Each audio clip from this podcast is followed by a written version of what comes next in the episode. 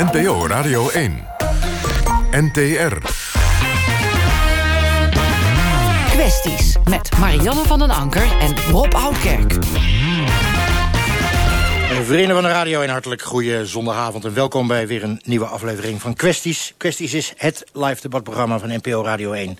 waarin wij actuele en soms brandende kwesties in Nederland bij de kop pakken. U kunt met ons meekijken, maar we zitten niet in de bus... maar we hebben wel een hele kleine webcam geïnstalleerd. U kunt via de app meekijken of op radio1.nl... en u kunt meediscussiëren en doe dat dan met de hashtag kwesties op Twitter. Zoals gezegd, de bus is kapot, uitlaat dan zal het wel niet toevallig zijn dat wij het vandaag over hele grote auto's gaan hebben, namelijk vrachtwagens en hun chauffeurs. En ik zit in truckersrestaurant Treurenburg bij Hedel. En ik doe dat omdat er een groeiend tekort is aan vrachtwagenchauffeurs, maar liefst 7000 te weinig. En die transportsector die is booming. En de sector probeert uit alle macht nieuwe chauffeurs te vinden. En nou is er een plan om gepensioneerde chauffeurs weer terug te halen. En is dat nou een goed plan, of is dat nou een slecht plan voor de veiligheid op de weg? En moeten we niet eigenlijk gewoon jonge mensen... en veel meer jonge mensen gaan opleiden... voor het misschien wel impopulaire chauffeursvak? Wie zal het zeggen? Wij gaan dat doen vanaf tien voor half negen ongeveer. Maar eerst collega Marianne van der Anker. Uh, in toch wel een vrij rijke Joodse gemeenschap. Althans uh, voor de Tweede Wereldoorlog, een beetje daarna. Ze staat in Deventer, bij de Joodse synagoge. En die is verkocht aan een zakenman. En de Joodse gemeenschap daar is in rep en roer. Marjan. Ja, dat klopt. Uh, overigens hebben wij hier wel al de hele dag prachtig lekker weer. En zijn wij door het hek gegaan en staan nu op het terrein van de Joodse synagoge. In Deventer, zoals je al zei. Hier gaat een voethal komen in deze synagoge die ook een rijksmonument is. De mooie herinnering aan het verleden, zou die nog bewaard kunnen gaan blijven? En welke rol zou de gemeente daarin kunnen spelen? De gemeente zou de synagoge wellicht hebben kunnen kopen. Maar er zijn de meningen over verdeeld. Daar gaan we het zo direct ook over hebben.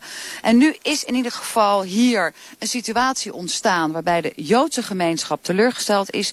De politiek zo direct een besluit moet gaan nemen... over de herbestemming van dit pand. Want voorlopig zit er een maatschappelijke functie op... en zeker nog geen horecafunctie. Er zijn andere geloofsgemeenschappen... die hun steun hebben uitgesproken richting de Joodse gemeenschap. En daar gaan wij het het komende kwartier over hebben. Met drie lokale politici. Ze zijn over hier nog niet uit in Deventer wat de collegevorming zoal gaat opleveren. Iedereen uh, die daarin geïnteresseerd is, moet op een andere manier daarvoor uh, uh, aan informatie komen. Want wij gaan het hier hebben over deze Joodse synagoge. Vanmiddag zijn wij de straat opgegaan en we hebben heel veel mensen gesproken. En we konden een prachtige start maken bij het Etty Hillesum Centrum. Dat zit hier ook om de hoek van de synagoge. Etty Hillesum is zo'n beetje de lokale Anne Frank van Deventer. Dus de eerste mevrouw die u hoort, die is daarvan van, dat centrum. En de rest zijn allemaal mensen die wij in Deventer vandaag op straat gesproken hebben. En weer wij de vraag hebben gesteld, moet de gemeente wat doen richting de Joodse gemeenschap? Ja, dat hadden we heel graag gehoord hier. En mensen hier ook, uh, allemaal vrijwilligers, die zijn hier ook druk mee bezig geweest. Besturen, uh, gesprekken met de gemeente, enzovoort, enzovoort. Maar ja, het heeft niet mogen baten. Dus we zijn best wel teleurgesteld. Waarvoor? De gemeente is juist panden aan het afstoten in, uh, in heel Deventer. En als Omdat het zielig is voor de Joodse gemeenschap... dat ze geen plek meer hebben om naartoe te kunnen gaan? Ja, nou, ik geloof niet dat er nog veel gebeurde van de Joodse gemeenschap in het gebouw. En als de Joodse gemeenschap daar zelf uh, zoveel interesse in had... dan hadden ze daar zelf uh, eerder aan de, aan de bel moeten trekken. Dat is wel jammer voor hen, ja. Toch, het is wel geloven. Als ze daarin geloven, is het mooi voor hen. Ja, dan moeten hun uh, ja, proberen wat anders te zoeken. Moreel gezien zeker. Dus er moest een uitzondering komen. Ik vind het echt zonde. Gemeente zijn, kun je daar niet heel veel aan veranderen. Het staat te kopen. En als uh, iemand daar een horeca gelegenheid van wil maken, dan moeten ze dat vooral doen. Maar de gemeente had het ook kunnen kopen voor de Joodse gemeenschap. Ja, maar ja, als het te koop staat, je moet toch geen geld verdienen. En uh, ik denk niet aan je, dat je aan de Joodse gemeenschap geld verdient. En uh, aan de horeca gelegenheid wel. En dat is Nederland. De gemeente wel met andere dingen bezig moet gaan dan met geloof. Ik vind geloof sowieso gewoon onzin. Dus uh, ja, als, als de Joodse gemeente er echt uh, zo over denkt dat hij het schande vindt... dan hadden ze zelf gewoon lekker in moeten steken. Een, uh, een instantie wat voor het volk gaat. Het moet niet voor geloof gaan, gaan kiezen, maar wat het volk echt nodig heeft. En niet iets wat sentimentele waarde heeft voor velen. Daaf Ledenboer van de VVD. Gelijke monniken, gelijke kappen, scheiding tussen kerk en staat. Dus logisch dat de gemeente niet heeft ingegrepen door het pand waar we hier voor staan, de Joodse synagoge, te kopen. Ja, logisch om het niet te kopen. Tenminste, niet als kerkgebouw. Of als synagoge voor de Joodse gemeenschap. Het zou wat anders zijn geweest als het was gekocht voor een culturele bestemming. Want dat kunnen we als gemeente natuurlijk wel. Maar we hebben het, met de scheiding van kerk en staat kunnen we het niet als kerkgebouw voor een specifieke gemeenschap kopen. Dat hebben jullie ook niet gedaan. De hele gemeenteraad heeft daar toen ook niet in meerderheid overigens uh, voor uh, tegengestemd. Dus helaas pindakaas. Uh, wat vonden jullie daarvan, Anne van der Meer vanuit GroenLinks? Ik geloof niet dat het ter stemming is gebracht om het uh, pand destijds aan te kopen. Want zover zijn de onderhandelingen nooit gekomen. Uh, wanneer het... Vind je dat erg? Uh, ja, dit is nu een hele andere kwestie, omdat er een particulier bij betrokken is. Dus dan heb je eigenlijk wat uh, minder beweegruimte. Uh, we zijn uh, van mening dat alle partijen weer aan tafel moeten komen... met elkaar over moeten gaan hebben wat een goede bestemming van dit pand zou zijn. En uh, mocht dan um, de partij aan tafel denken van nou, de, de, gemeente moet het wel weer gaan kopen... dan kan het natuurlijk wel weer ter stemming gebracht worden. En dan is het dan een bestemming als een cultureel pand, wat Daaf net ook noemde. Dan uh, kunnen wij daar wellicht wel mee instemmen. Als GroenLinks, gaan jullie tegen de uh, herbestemming van maatschappelijke functie naar horecabestemming stemmen? Ja, ik denk dat er voldoende horecagelegenheden zijn in de binnenstad. En dan is het sowieso niet nodig om er nog eentje hier buiten de brink ook als horecabestemming aan te wijzen. Arie de Niet van de ChristenUnie. Wat vindt u van deze hele kwestie? En dan met name misschien ook de vraag, had de Joodse gemeenschap niet veel eerder aan de pijl moeten trekken? Want nu lijkt het alsof ze zo teleurgesteld zijn. Dat hoorden we net ook. En dat het allemaal zielig-zielig is. Terwijl ja, ze hadden toch ook wat eerder gewoon die steun bij elkaar kunnen regelen. En zelf het pand kunnen kopen. Um, nou, volgens mij, ze hebben ook wel degelijk aan de bel getrokken. Uh, al, al, al jaren. Hè, dus uh, sinds het uh, pand in de verkoop staat, roert de Joodse gemeente zich ook wel geregeld. Het is een kleine club. Um, en nou ja, ze zijn er niet in geslaagd om niet voor heel veel mensen te mobiliseren. Misschien hadden ze daar meer kunnen doen, maar ja, dat, dat is niet gebeurd. en nu hebben we in zekere zin wel een probleem. Want ja, de, de, het, het, gebruik, of in ieder geval al, het, het, het, veranderen van de bestemming in een voetel bijvoorbeeld. Ja, dat gaat gewoon niet samen met een, ook een gebruik van dit pand als ere, voor erediensten van de Joodse gemeente. Dus jullie gaan ook als ChristenUnie tegen die herbestemming stemmen? Ja, wij zijn, zullen ook tegen die herbestemming uh, stemmen, inderdaad. En wat is dan uw belangrijkste argument? Worden VVD zeggen, ja, scheiding tussen kerk en staat. We moeten daar echt niet aan gaan beginnen? Nou, het is gewoon een uniek uh, pand en, en, en, niet zomaar een monument. Het is een religieus monument, het is een synagoge. En daar hebben we gewoon niet zoveel van in Overijssel überhaupt. Uh, dus daar moeten we extra zuinig op zijn. En ook synagoges die ook nog eens gebruikt worden voor erediensten zijn er ook zijn er nog minder. Um, ja, dat moeten we gewoon koesteren. En dan heb je, vind, wij vinden dat je daar als gemeente ook echt wel een verantwoordelijkheid hebt. Maar het is maar een hele kleine gemeenschap. 24 tot 30 mensen komen hier maar. Dat is een klein clubje, maar uh, het, ze gebruiken wel die synagogen voor hun diensten. Uh, en ze, zullen dus moeten uitwijken uh, als ze hier uit moeten. En als dat niet nodig is, waarom zouden we dat dan willen? Als we iets kunnen doen, waarom doen we dat dan niet? Maar u leeft ook in een democratie waar we kerk en staat gescheiden hebben. Welke rol moet wat de ChristenUnie betreft dan de gemeente gaan spelen? Nou, de gemeente moet nu vooral zorgen dat uh, de Joodse gemeente en ook de eigen, huidige eigenaar met elkaar aan tafel komen. Om te kijken met de bestemmingen die er nu op zitten, maatschappelijk, wat ze binnen die bestemming kunnen zorgen dat en het gebouw een goede invulling krijgt. Waardoor die uiteindelijk moet zo'n ondernemer natuurlijk ook moet ergens moet zijn, uh, zijn kosten dekken. Dus dat, daar, daar moet over worden gesproken. Maar toch ook proberen om echt de, Joodse gemeente nog steeds hiervan gebruik te kunnen laten maken. Volgens mij moet het gewoon kunnen. En daar kun je als gemeente best je schouders onder zetten. Oké, dus u gaat voor de bemiddelende rol van de gemeente en houdt kerk en uh, staat gescheiden? Ja, veel meer kunnen we op dit moment ook niet. Want uh, we, we, zijn geen eigenaar van het pand. Iemand anders is eigenaar. Uh, maar we kunnen wel dat gesprek op gang brengen. En Gitte Zwart staat ook naast mij. U bent ja. predikant van de ja. protestantse gemeenschap. Ja. De Joodse gemeenschap heeft laten weten dat ze vandaag niet mee wilden werken aan de uitzending. Die zeiden ja, het is nu toch allemaal in handen van de gemeente, van die uh, herbestemming en wellicht van de gesprekken met de ondernemer. Maar samen met een aantal andere geloofsgemeenschappen maakt u zich hard voor de Joodse gemeenschap. Waarom?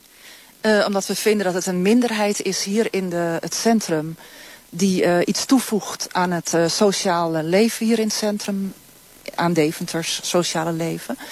Um, ja, er is ook nog wel een soort morele plicht, vind ik, uh, gezien de geschiedenis van uh, de Joodse gemeenschap hier in Deventer.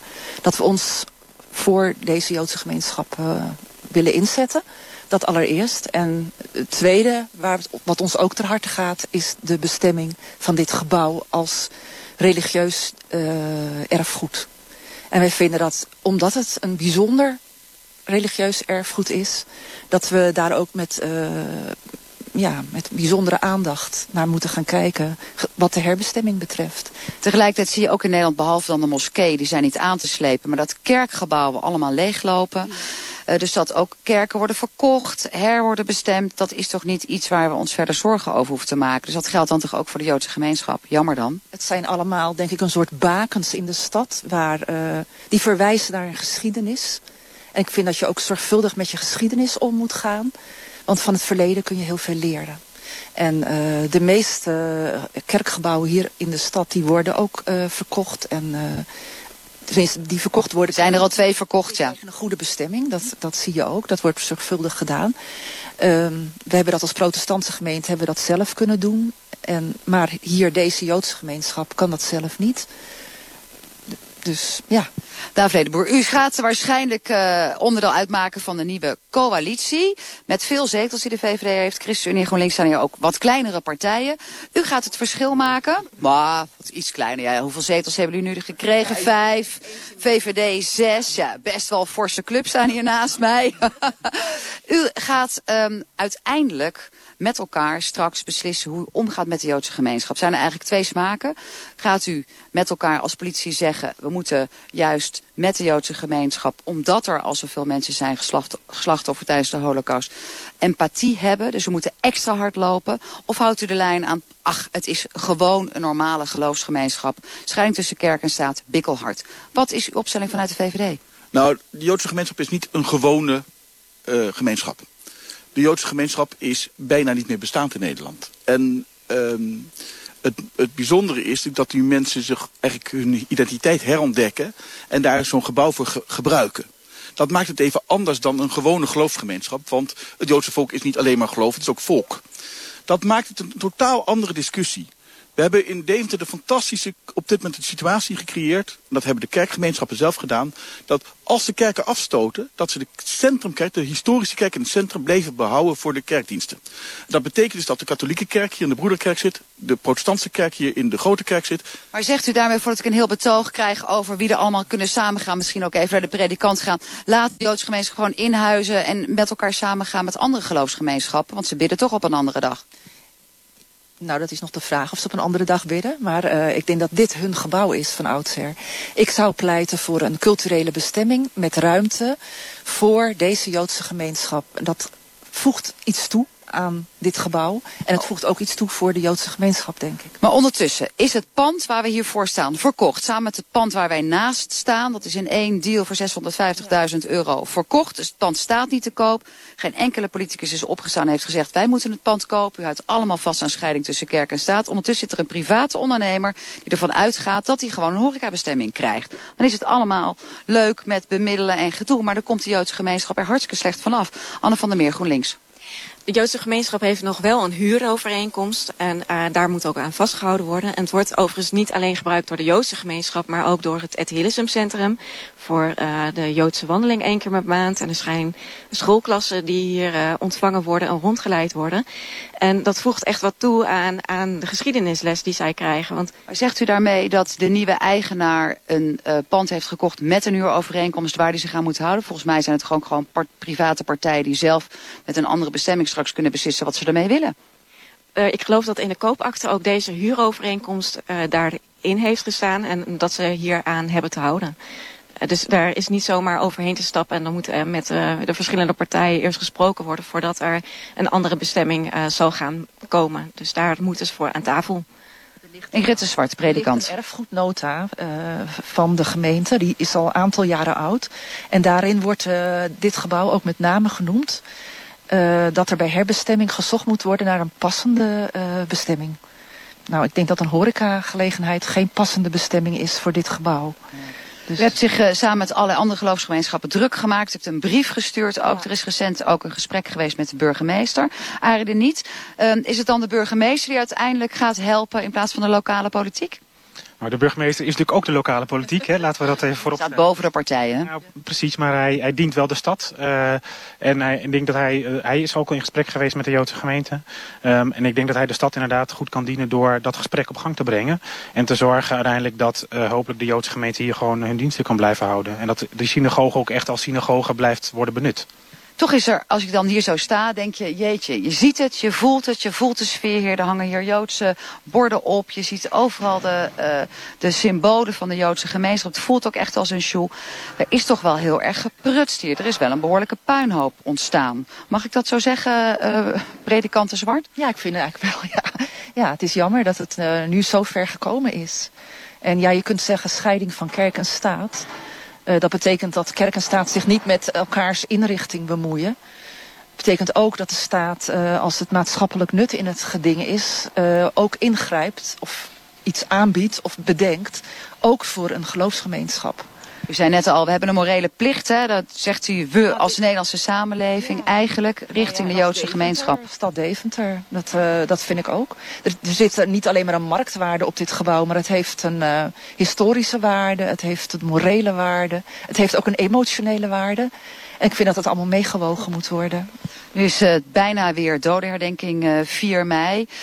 Daarvoor merk je in heel Nederland dat de hele holocaust toch niet altijd meer enorm leeft. Dat er heel veel mensen nog aan moeten worden herinnerd. Um, ten aanzien van de Joodse gemeenschap wordt ook wel gezegd... jullie moeten eens stoppen met een slachtofferrol te spelen... en altijd maar een uitzonderingspositie te willen... omdat jullie zo zielig zijn geweest in de Tweede Wereldoorlog. Daar, Vledeboer. Ja, ik denk dat het hier absoluut niet speelt. Dat het hier niet aan de orde is. Dat, ik zei er net al, dit is eigenlijk een moment van heremancipatie. Een gemeenschap die zich elkaar weer vindt. En dat is iets anders dan de slachtofferrol. Dit is echt het weer opnieuw bedenken hoe je weer samen kan komen. Het is een ontdekking van identiteit. En dat is echt de slachtofferrol niet. Nou, dan gaan we daarmee stoppen. Nog één laatste vraag jullie allemaal. Want waarschijnlijk gaat de volledige gemeenteraad, althans een meerderheid, tegen die horecabestemming stemmen. Nou, dan is het voor de ondernemer die hier iets met food wil ook niks meer waard. Gaat de gemeente dan het pand terugkopen? Anne. Ik denk het niet. Ik denk dat een particulier initiatief hier ook hele mooie dingen kan doen. En daar hoeft de gemeente niet een, een aandeelhouder per se in te zijn. En nu is het ook nog zo, één laatste oplossing misschien nog... dat er inmiddels door de Joodse gemeenschap heel veel internationale steun is gekregen. Zou het niet zo kunnen zijn dat dan het geld alsnog bij elkaar gehaald kan uh, worden? Arie niet van de ChristenUnie. Nou ja, maar hopelijk uh, kunnen we inderdaad uh, van ja, dit, dit ongelukje zullen we maar zeggen een kans maken inderdaad. En komt die beweging op gang en komt die steun op gang. Want dat zou inderdaad wel een, een goede, mooie oplossing zijn. Laten we dat hopen. Het zou fijn zijn als die steun gewoon uit Deventer op gang komt. Nou, dat zijn mooie woorden. Ondertussen komen hier allerlei gezellige mensen langs die een zondagavond willen vieren. Is de vuilnis hier gestort. Wij gaan het hek weer sluiten, want we zijn tenslotte illegaal op het pand van een particuliere terrein binnengekomen. Zeer veel dank allemaal. Daaf Ledenboer van de VVD, Ingrid de Zwart van de Protestantse Kerk Predikant daar. Anne van der Meer, GroenLinks en Arie de Niet van de ChristenUnie. Rob, terug naar jou vanuit Deventer. Dankjewel, Marianne. Het schemert inmiddels in Hedel en ik kijk vanuit het truckersrestaurant op een volkomen lege parkeerplaats uit. Maar ik heb net even met de uitbater gesproken. Dat is door de week wel anders. Dan staan er hier op zijn minst 80 parkeer, uh, geparkeerde vrachtwagens... en in de buurt ook heel veel geparkeerde vrachtwagens. Ze kunnen eigenlijk nauwelijks op. Kwart voor vijf gaat de zaak hier open. Dan kunnen vrachtwagenchauffeurs douchen en een uitsmijter krijgen... en een bakje koffie. Maar er zijn er wel 7000 tekort. En dus zijn er allerlei initiatieven om zo snel mogelijk aan gekwalificeerde chauffeurs te komen. Maar het vak is niet populair bij jongeren. Die willen vaak gewoon meer geld en dat kunnen ze ook verdienen. Bijvoorbeeld in de ICT. Die willen een 9 tot 5 baan. De regio Zwolle heeft er een oplossing voor. Daar betaalt de provincie opleiding als je chauffeur wil worden. Scholen organiseren extra open dagen om jongeren te trekken. Sommige bedrijven geven je een baangarantie als je je vrachtwagenrijbewijs wil halen. Maar het gaat allemaal niet hard genoeg. En dus is er een plan om gepensioneerde vrachtwagenchauffeurs... die er dus eigenlijk om uitgeschreven zijn... massaal weer op de vrachtwagen te krijgen. En is dat eigenlijk een goed idee? Onze verslaggever was hier van de week al in het Treugersrestaurant Treurenburg. En die vroeg naar de charmes van het chauffeursvak. Het mooiste. Ja, ja, zeggen ze allemaal, vrij zijn. Je eigen, ja, je kunt je eigen plan trekken. Het mooiste, het mooiste van het vak is gewoon dat je, dat je hele dagen uh, uh, van, van A naar B gaat of van B naar C. En, en, en diversiteit in het vak. Wat ik nu, nu, tot nu toe nog het leukste vind, is dat de vrijheid. Uh, ja, het, het, vrij zijn, het onderweg zijn, je eigen ding doen. niet heel veel met andere mensen te maken te hebben en gewoon lekker je eigen ding doen. Dat, is, dat vind ik mooi. Dat vind ik mooi. Je komt nog eens ergens. Kom je een leuke man tegen. ja, de vrijheid die je hebt. Uh, tenminste, ja. ja. Je ziet genoeg. Je, elke dag is anders. Maakt genoeg mee. Ja, ik denk dat dat wel een beetje in, uh, in je bloed moet zitten. dat het wel een beetje in je eh, bloed moet zitten. Voordat we het gaan hebben over het tekort aan die chauffeurs... eerst maar gewoon even over het chauffeursvak zelf. Eh, Stella, Ja. vrouw onder de mannen. Eh, ik geloof dat er 2000 vrouwelijke vrachtwagenchauffeurs zijn... op 153.000 mannen. Ehm, Zoiets? Om en Zoiets, nabij? ja, was- hadden we het net dus over, het is- Het is nog niet ja. helemaal gefeminiseerd, zou je kunnen zeggen. Hey, jij hebt zes jaar op een vrachtwagen gezeten, hè? ja, in een tussenposes eh, twee keer drie jaar ongeveer. Vertel nou eens even gewoon in drie kernzinnen. Waarom is dat zo leuk? Ja, gewoon gaaf. Gewoon de vrijheid, gewoon het gevoel, het... eh, ja, gewoon lekker. Smiddags even gewoon ergens kunnen zitten, gewoon van A naar B kunnen rijden. Genieten als je in, eh, in België rijdt van, eh, van de Ardennen, gewoon de omgeving. Gewoon vrijheid. Ja. Dat is Ja, eigenlijk het kernwoord. absoluut. Eh, Klaas de Waard, voorzitter van FURN, dat is de Vereniging Eigen Rijders Nederland. En oprichter van de Oplossing BV, daar gaan we het straks over hebben. Wat is het mooiste aan chauffeur zijn? 17 jaar, hè, was je dat? Ik, ben dus, eh, ik zit 50 jaar in transport, maar van 17 jaar als chauffeur. En in die tijd dat ik chauffeur was, was dat natuurlijk nog een volledige vrijheid. Dan kon je ook niet gecontroleerd worden met track en tracing. Als ik nu ga kijken, we hebben nu vrachtwagens, dat zijn rijdende hotels, laat ik het zo maar noemen. Zo fantastisch, maar je wordt er zo ontzettend gecontroleerd en nagekeken. Geen bal En- aan. Nou, dat wil ik weer niet zeggen. Dat er geen bal aan is, zeer zeker niet. Maar ik wil wel van de andere kant zeggen... de vrijheden die altijd gepredikt werden... die zijn dus wel enorm ingeperkt. De romantiek is eraf. Nou, de we gaan romantiek het, is weg. We gaan het even aan eh, de winnaar vragen van vanavond. eh Cas Hendricks, 50 jaar vrachtwagenchauffeur. Hoe oud ben jij? Hoe oud ben jij eigenlijk? 69. Er is al een filmpje van je gemaakt op Facebook. Dat is al meer dan 5000 keer bekeken, dus je wordt nog populair. Misschien. Wat is het nou, zeker. Wat is er nou eigenlijk leuk? We hebben het van Stella gehoord, van Klaas gehoord. Wat, wat vindt en vond jij nou leuk aan vrachtwagenchauffeur zijn? De vrijheid, je komt overal. Met leuke collega's. De routiers in Frankrijk, Italië. Ga zo maar door. Ja, ik hoor alleen maar romantiek. Maar volgens mij is het ook een onvoorstelbaar zwaar vak, of niet? Nou, ik vind van niet. En nou nog niet. En nou nog niet. Nee. Maar- ik, ik rij nog iedere dag. Oké, en nou ben je dus, laten we maar zeggen, een oudere vrachtwagenchauffeur. Ja. Ehm, is dat niet link, als je zo oud bent... en dat soort grote wagens over de weg moet Nee. rijden? Waarom niet? Nee. Ik ben een kerngezond dus. Nee, jij, maar in het algemeen. Is, ik bedoel, ik, ik rij ook veel op de weg. Veel vrachtwagens natuurlijk altijd. Dan denk ik, nou, als daar iemand van 70 in zit... voel ik me dan nog wel veilig op de weg. Of U vind je dat onzin? Niet, maar eh, een ander misschien wel. Ik weet het niet. Ben je wel eens helemaal kapot geweest van het werk? Ooit wel, ja. Maar niet vaak. Maar niet vaak. Nee. Wat ik bij jullie hoor, eigenlijk alle drie, is vrijheid. Je komt nog eens ergens. Goed, de romantiek is er een beetje af. Maar het is eigenlijk gewoon een prachtig vak. Dominique van Es, hoe oud ben je? Ik ben 20. Microfoon even bij je mond. Je bent Ik ben 20. 20 jaar oud. En je wil vrachtwagenchauffeur worden? Ja. Waarom? Ja, gewoon, het is een mooi vak. Je met een grote wagen. En eh, ja, je komt overal. Dus eigenlijk wat, wat je van je buurvrouw en je buurman hoort... en de, de, de man tegenover je, die romantiek, die vrijheid... dat is iets wat jou trekt. Wanneer, wanneer, wanneer wou je vrachtwagenchauffeur worden? Hoe oud was je toen? Eh, ik was een jaar of één al. Toen vond ik het al eh, leuk om te Eén, zei je? Ja.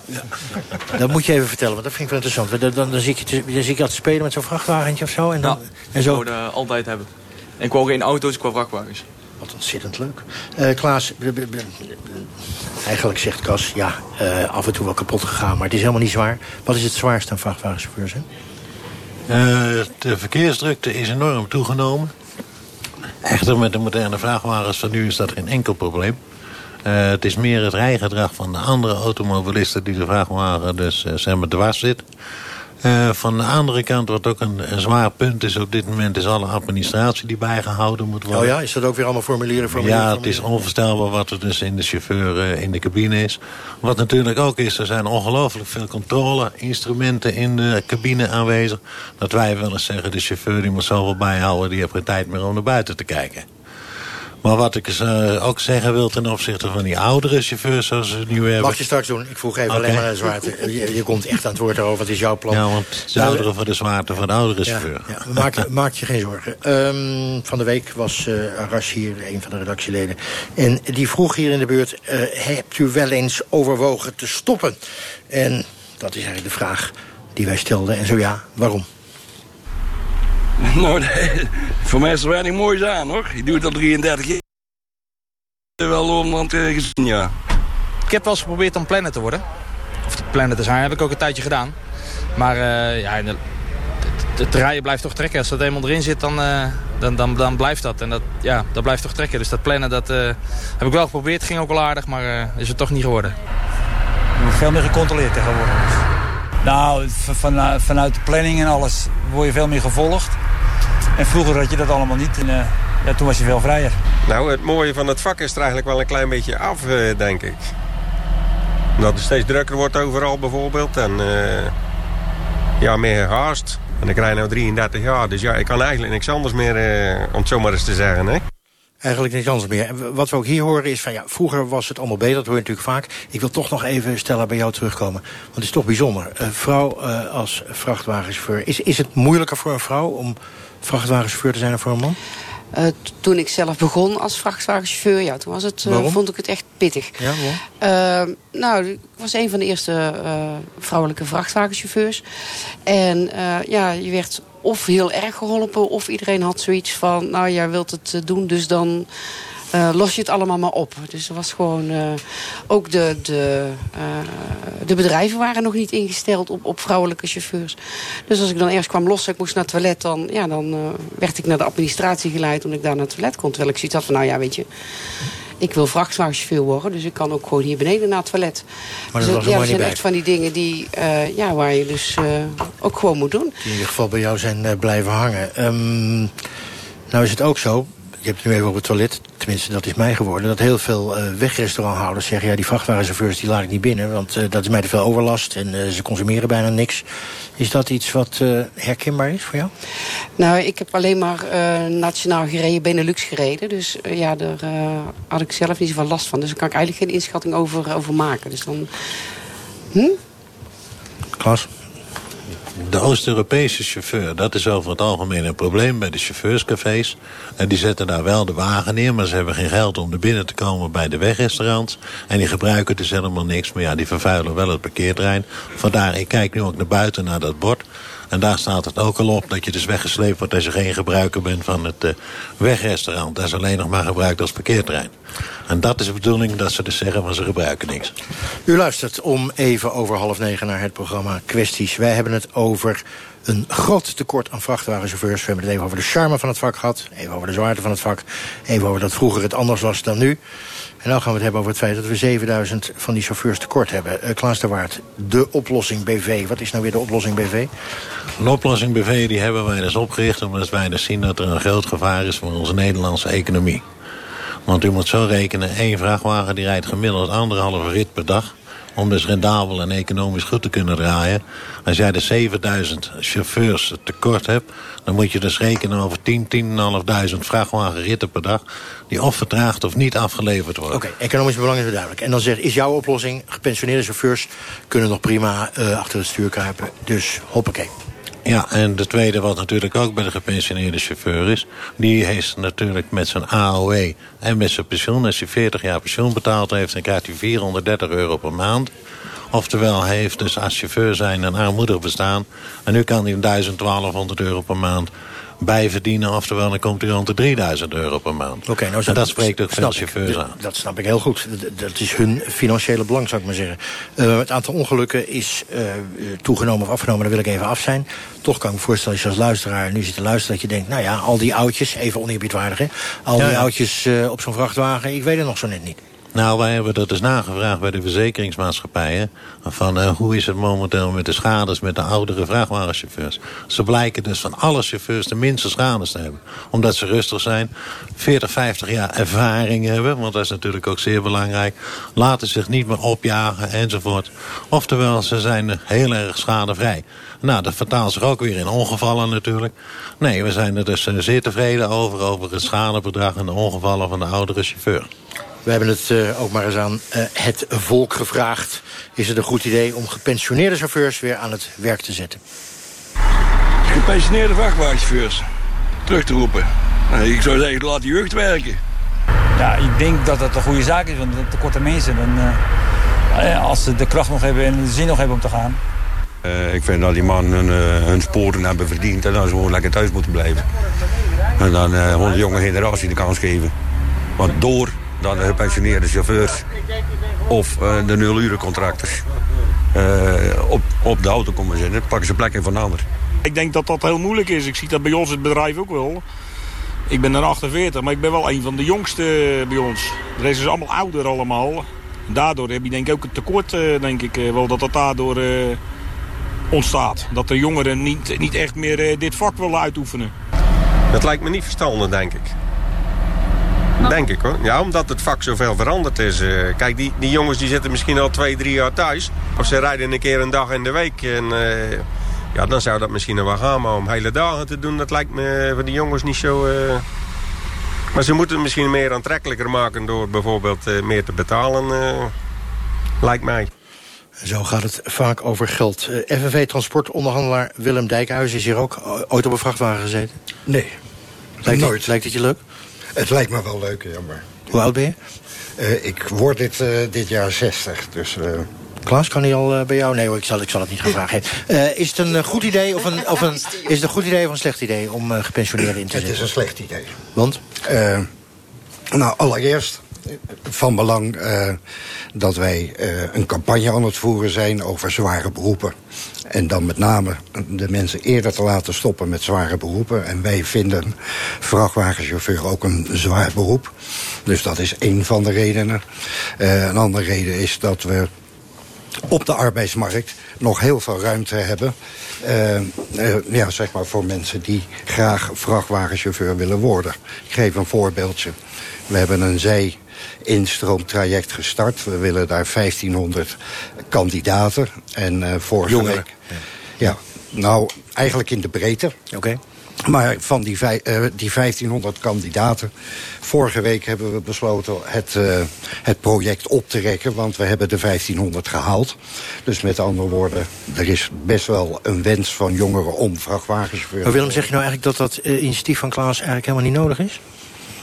Eh, ja, ik vind dat eh, initiatief sowieso niet nodig, maar om meerdere redenen. Maar je vindt het ook onwenselijk. Ook omdat je jongeren of mensen van jongere leeftijd verdringt van de Ja, arbeidsmarkt. ja, begrijp ik. Eh, maar- maar zo, ik kan me voorstellen, je bent 65 plus, dan word je natuurlijk wel getest op je ogen en een hoop andere dingen. Je moet allemaal opleidingen hebben, eh, zijn heel ervaren. Dus wat is eigenlijk het probleem? Nou ja, het probleem is dat het ook een verdringing is. Eh, dus als we aan de onderkant instroom willen hebben... en we hebben er net ook gehoord hè, dat eh, iemand van 45 jaar een van de jongsten was... Nou, dat is niet gezond voor de bedrijfsvoering... als je dus eh, ja, al een vergrijzing in die sector hebt. Oké, duidelijk standpunt van de FNV, van jou, althans namens de FNV. Klaas, A, je plan is niet nodig en B, je verdrinkt op de arbeidsmarkt.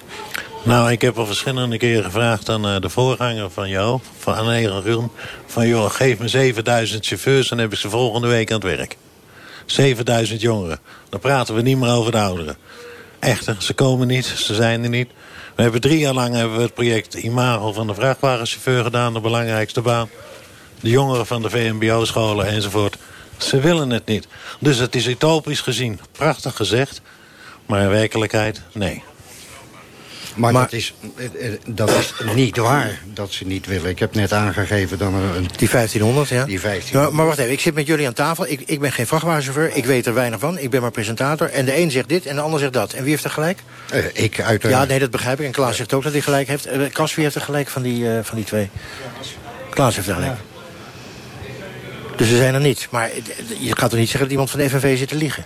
Nou, dat weet ik niet of hij niet ligt. Hij is nog nooit met een vrachtwagen mee geweest. Dan moet hij eerst een week meer rijden. Of het zwaar is. Nee, maar hij zegt...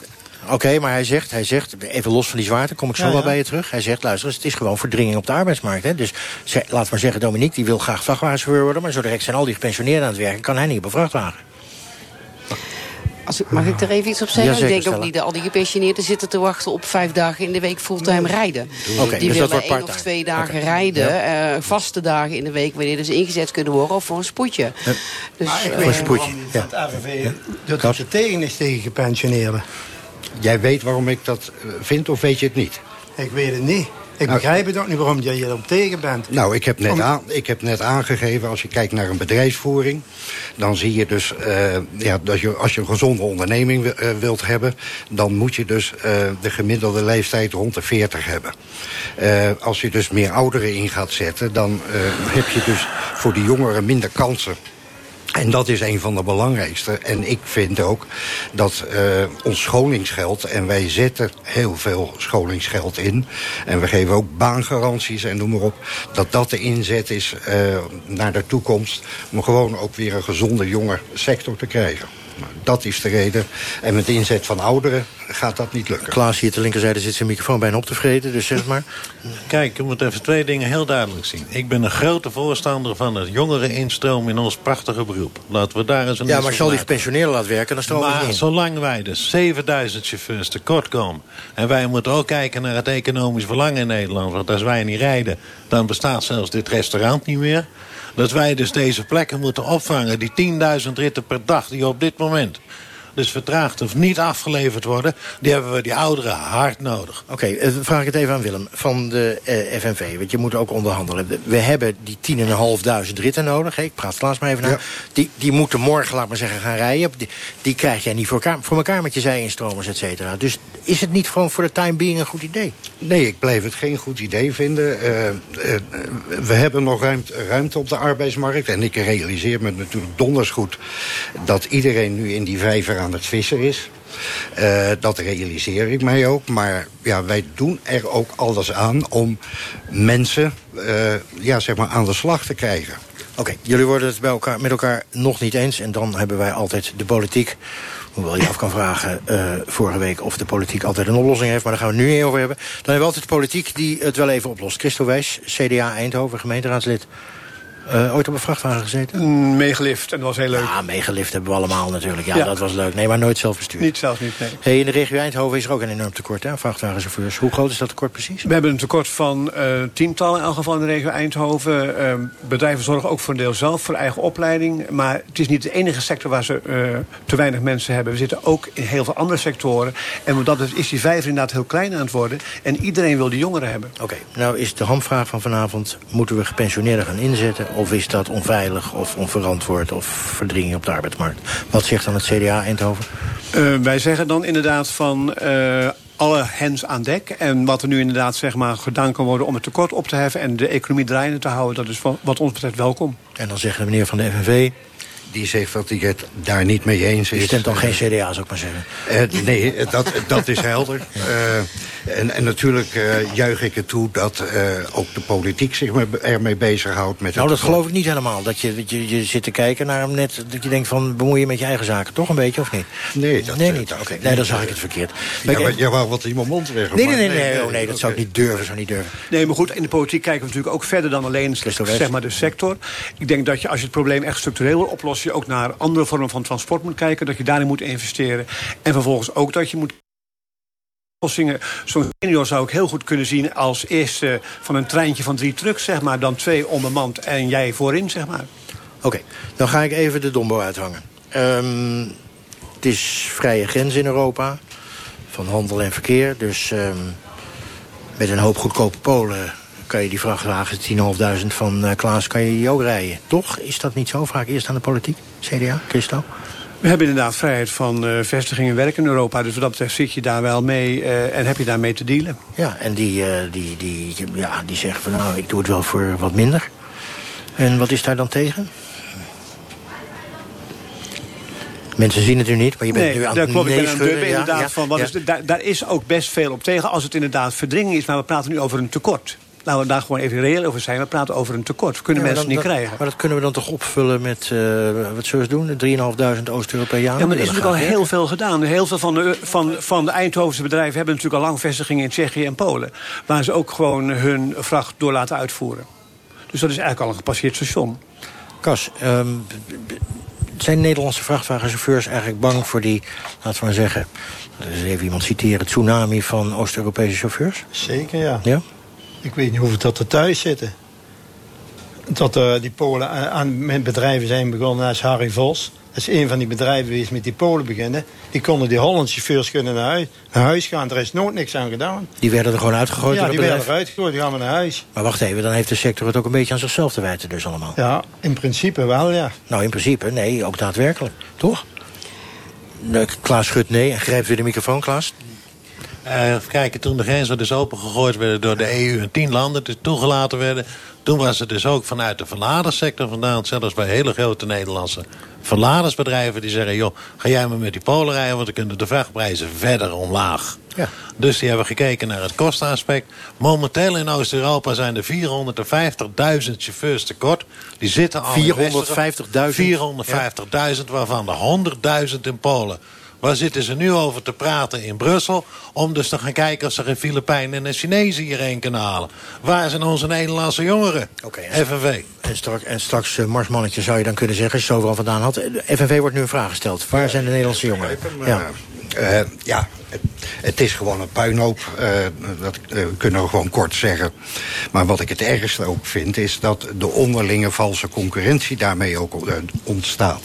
Dus bedrijven die gewoon met Nederlandse chauffeurs... onder de CAO tra transport en logistiek werken... die kunnen niet op tegen die bedrijven... die dus allerlei constructies bedacht hebben. Verdienmodellen noemen we dat tegenwoordig. En, en, vandaar dat wij ja, de campagne gelijk, loon, gelijk werk, gelijk loon ook gestart hebben. Stella? Ja, de marges in de transportsector zijn zo laag. ja, dat, daar hebben de bedrijven... eigenlijk werken wij daar als consumenten aan mee. Wij willen als consument alles goedkoper hebben. Waarmee wij ook uh, ja, als consument dwingen dat de prijzen omlaag gaan. En ja, de bedrijven willen daarin mee. En dan ja, willen ze zo goed mogelijk of zo goedkoop mogelijke chauffeurs. Om een lelijk woord te gebruiken, het is een multicausaal probleem. Het is kwart voor negen, u luistert naar het programma Kwesties. Wij hebben er over een tekort aan vrachtwagenchauffeurs. Ik dacht dat 7000 in Nederland een hele hoop was. Maar leer net dat er 450.000 tekort in uh, heel uh, de wereld of heel Europa zijn. Heel Europa. Maar Klaas, um, pak nog even de microfoon. Als dat zo is, dat is dan toch, vergeef me dat ik het zeg... maar dat is een onoplosbaar probleem? Nou, dat is het in principe niet. Kijk, we zijn eerst begonnen met... Nee, het is niet zo, want het is de eerste zijn we begonnen met die social dumping toe te passen in West-Europa. Dus heel veel hele goedkope chauffeurs hierheen te halen. Toen zijn er dus heel veel chauffeurs... Dat heet social dumping? Ja? Social dumping heet dat. Want ze zijn eigenlijk de nieuwe slaven binnen Europa. Hebben geen enkel recht. Geen arbeidsrecht, helemaal nul, niets. Uh, toen zijn ze dus begonnen met die prijzen te verlagen. Toen hebben we dus de lonen niet omhoog kunnen krijgen. FNV heeft er ook puur zijn best voor gedaan en de CNV.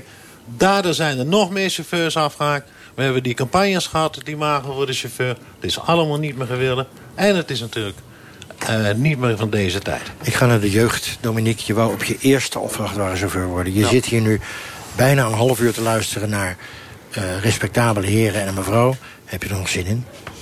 Ja, ik wil het nog steeds doen. Dus je krijgt met deze negatieve praat en al die problemen... krijg je niet het gevoel van, oh, waar begin ik nee. Ik wil hem nog één positief ding geven. Doordat er zoveel chauffeurs tekort zijn... Zegt Klaas. Momenteel worden de jongens hartstikke goed betaald vanwege het feit... oh, kom alsjeblieft. Maar wacht even, maar, maar, maar, Klaas, is dat zo? Want het is natuurlijk ook zo dat, dat hè, die concurrentie met, uh, met ouderen bijvoorbeeld... maar ook met uh, Oost-Europese vrachtwagenchauffeurs... jij wil neem ik aan een fulltime baan, hè, geen parttime baan... ben je niet bang dat je gewoon veel te weinig betaald krijgt... ten opzichte bijvoorbeeld van vrienden van je die in de ICT gaan? Nee, daar ben ik niet bang voor. Ben je niet bang voor? Nee. nee. Ik wil er ook nog even wat over kwijt, want uh, er wordt nu de loftrompet... Zegt Willem Dijkhuizen. Ja, er wordt nu de loftrompet geblazen, maar uh, we weten allemaal dat uh, het aantrekkelijke van chauffeur zijn... en het verdienen met name in heel veel uren maken zit. En niet in de basissalarissen, want als ze de ba over de basis. Hey, help me even, want dat, dat weet ik echt niet. Hoeveel verdien je nu gemiddeld als vrachtwagenchauffeur, ongeveer? Bij... ja, zeg maar rond de 1900 euro. Bruto, netto? Uh, netto, als, netto. Je geen, uh, als je geen overuren maakt. Klopt dat, dames en heren? Vraag ik even. Dames en heren. Om en erbij. Ze zitten er 2600 met de overuren mee, gemiddeld per maand. Oké, okay, stellen. met 3000. Ja, het rond die koers. Klopt ongeveer. Oké, okay, ga verder. Ik onderbrak je. Ja, dus, dus dat betekent dus dat er gewoon heel veel overuren gemaakt moeten worden. En da daar zit ook de oplossing, denk ik ook. Uh, uh, ook als je praat over deeltijdwerk en dat soort dingen. Dat zijn, uh, we hadden vooraf ook een kleine discussie hierover.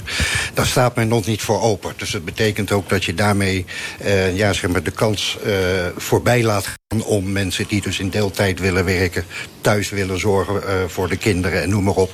die ruimte niet geeft. Oké, okay, duidelijk. Nou hebben we uh, het even gehad over ouderen als oplossing voor de problemen. We hebben hier Dominique aan tafel, die uh, op zijn eerste al vrachtwagenchauffeur wil worden... en daar ben je van zo lang als zijn leven niet af te brengen. Uh, onze verslaggever vroeg deze week ook andere jongeren... of een beroep als vrachtwagenchauffeur iets voor hen was.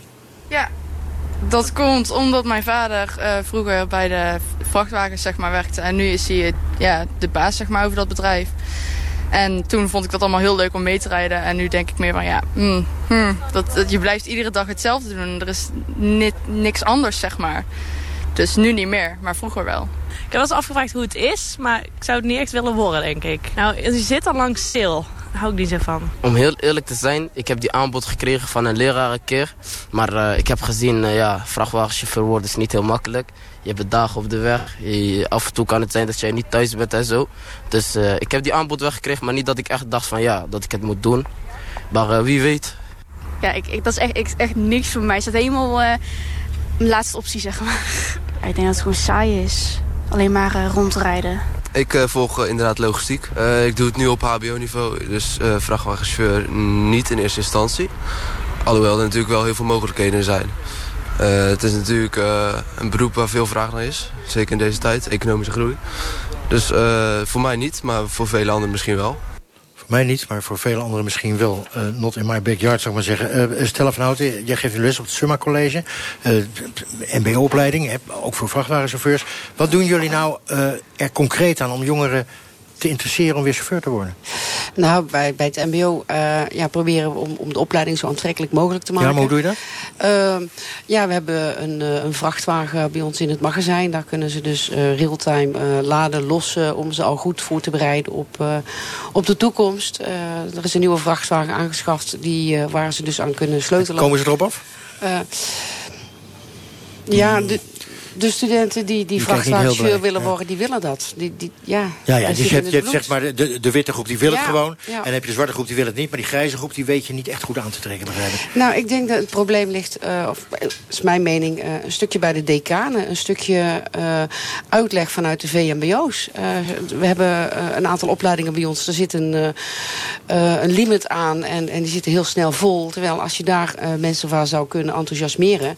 ja, dan zouden die ook in het chauffeursvak kunnen. Maar ik denk dat ook wel iedereen uh, moet, moet uh, zien dat het chauffeursvak... dat er meerdere takken van, van het vak zijn. En niet alleen maar uh, de rondjes binnen Nederland. snap ik, snap ik. Weet je wat we gedaan hebben? We hebben het ook even aan jongeren gevraagd. of die nou ideeën hadden wat er zou moeten veranderen aan het chauffeursvak... om het weer interessant te maken voor hen. Als de overheid de opleiding betaalt, dan doe ik het sowieso wel. Ik denk dat er veel meer verschil zou moeten zijn tussen de mannen en vrouwen. Dus nu werken er heel veel mannen en heel weinig vrouwen. En als er meer vrouwen zouden werken, dan zou ik het meer aantrekkelijker vinden. ik heb gehoord dat die lonen heel laag liggen van de vrachtwagenchauffeurs. Dus als ze, mij, als ze mij gewoon veel betalen, dan lijkt me wel grappig. Ja, een beetje comfort in die vrachtwagen, want ik, ik heb geen zin om in een vrachtwagen te slapen, zeg maar. Ik denk mm, dat er iemand naast je kan zitten of zo, om het gezelliger te maken. En dat je naar leukere, leukere locaties en zo mag rijden. Dat zou het misschien wel aantrekkelijker maken, ja. Ja, of je moet er heel veel mee verdienen. Misschien dat er dan veel mensen op afkomen. Ik weet, maar ik weet niet hoeveel je nu mee verdient of zo. Ik denk dat heel veel mensen toch wel een soort van afkeer hebben nu. En dat uh, wanneer uh, de overheid dit gaat sub subsidiëren... dat het wel aantrekkelijker wordt gemaakt.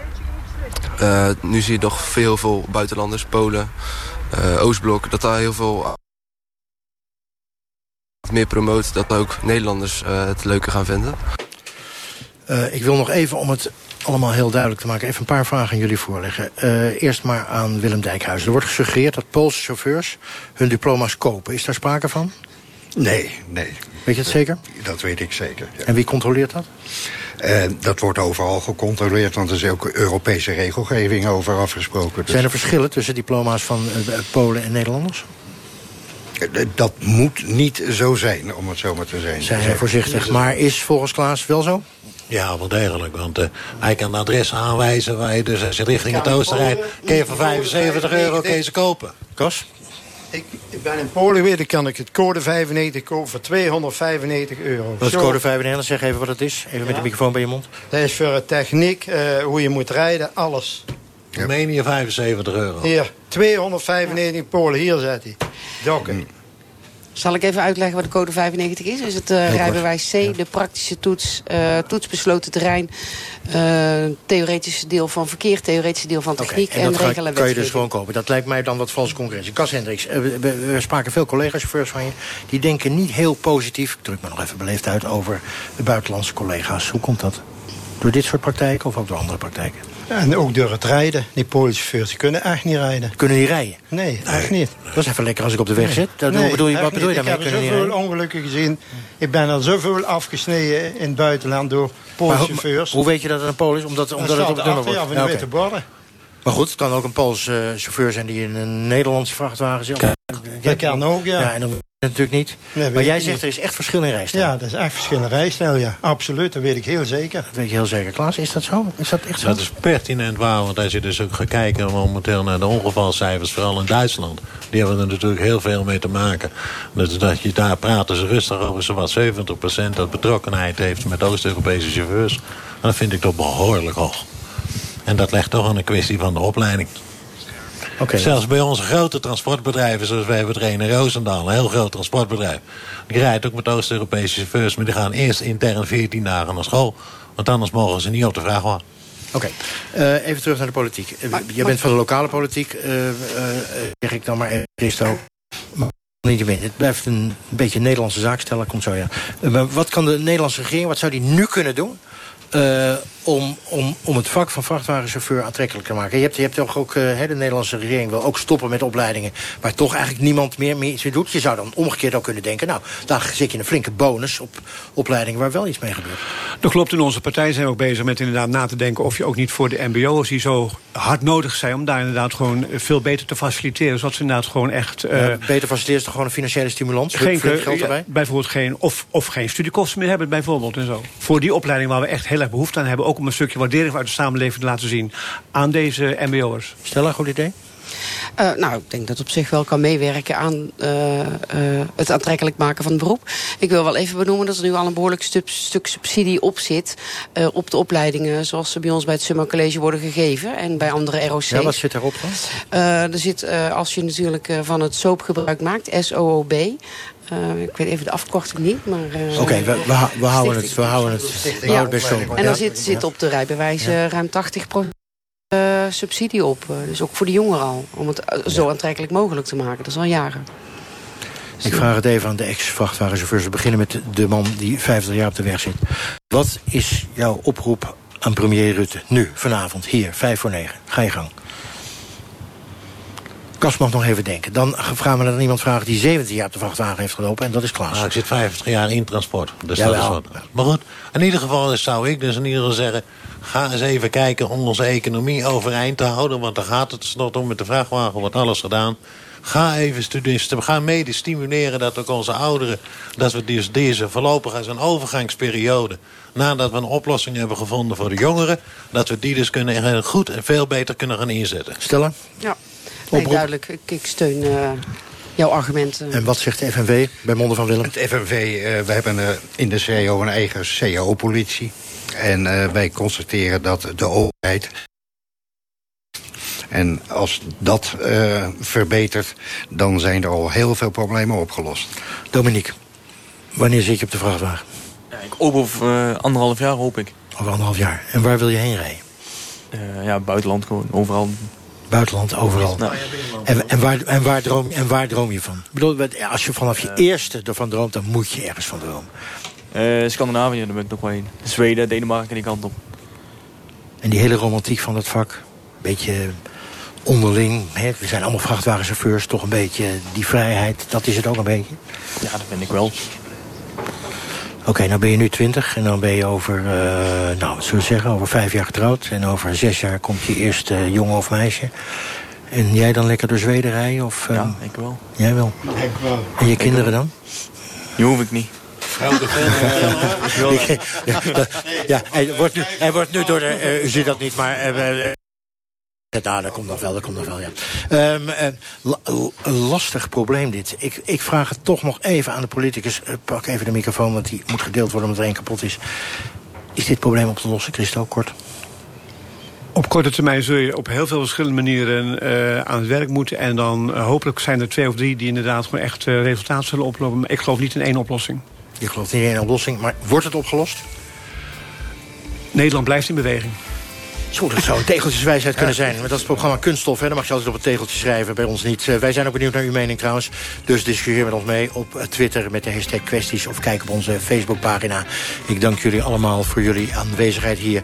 Uh, de schemer maakt nu plaats voor een donkere, nog steeds lege... en regenachtige, hoor ik van de eindredacteur... regenachtige parkeerplaats. Tot zover deze uitzending. Volgende week zijn we er weer. Uh, met een heel ander onderwerp, met een hele andere brandende kwestie. Zometeen Radiodoc. Dat gaat over textielbarrel.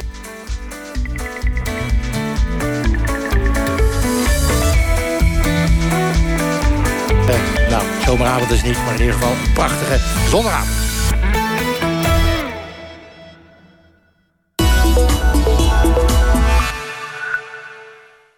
Enig die hermitage. Ik heb zoveel geleerd over de Gouden Eeuw. Bijvoorbeeld dat die bijgoochem van het Zaar Peter... voor een graapstaver een echte Rembrandt heb gekocht. Dat moet je echt gaan zien, hoor. Laat je meeslepen door 9 eeuwen Amsterdam in 9 minuten. Panorama Amsterdam. Een nieuwe multimediale voorstelling in de Hermitage. Mogelijk gemaakt door de Bank Giro Loterij. Select Windows komt met de vraag, hoe woon jij? Ik wilde een nieuwe deur passend bij mijn jaren 30 woning. Samen met de adviseur ontwierp ik mijn nieuwe voordeur. Met glas en lood en niet te onderscheiden van hout. Zo blij mee. Select Windows, omdat iedere woonwens anders is. Hoe woon jij? Kijk op selectwindows.nl Onmogelijke perspectieven.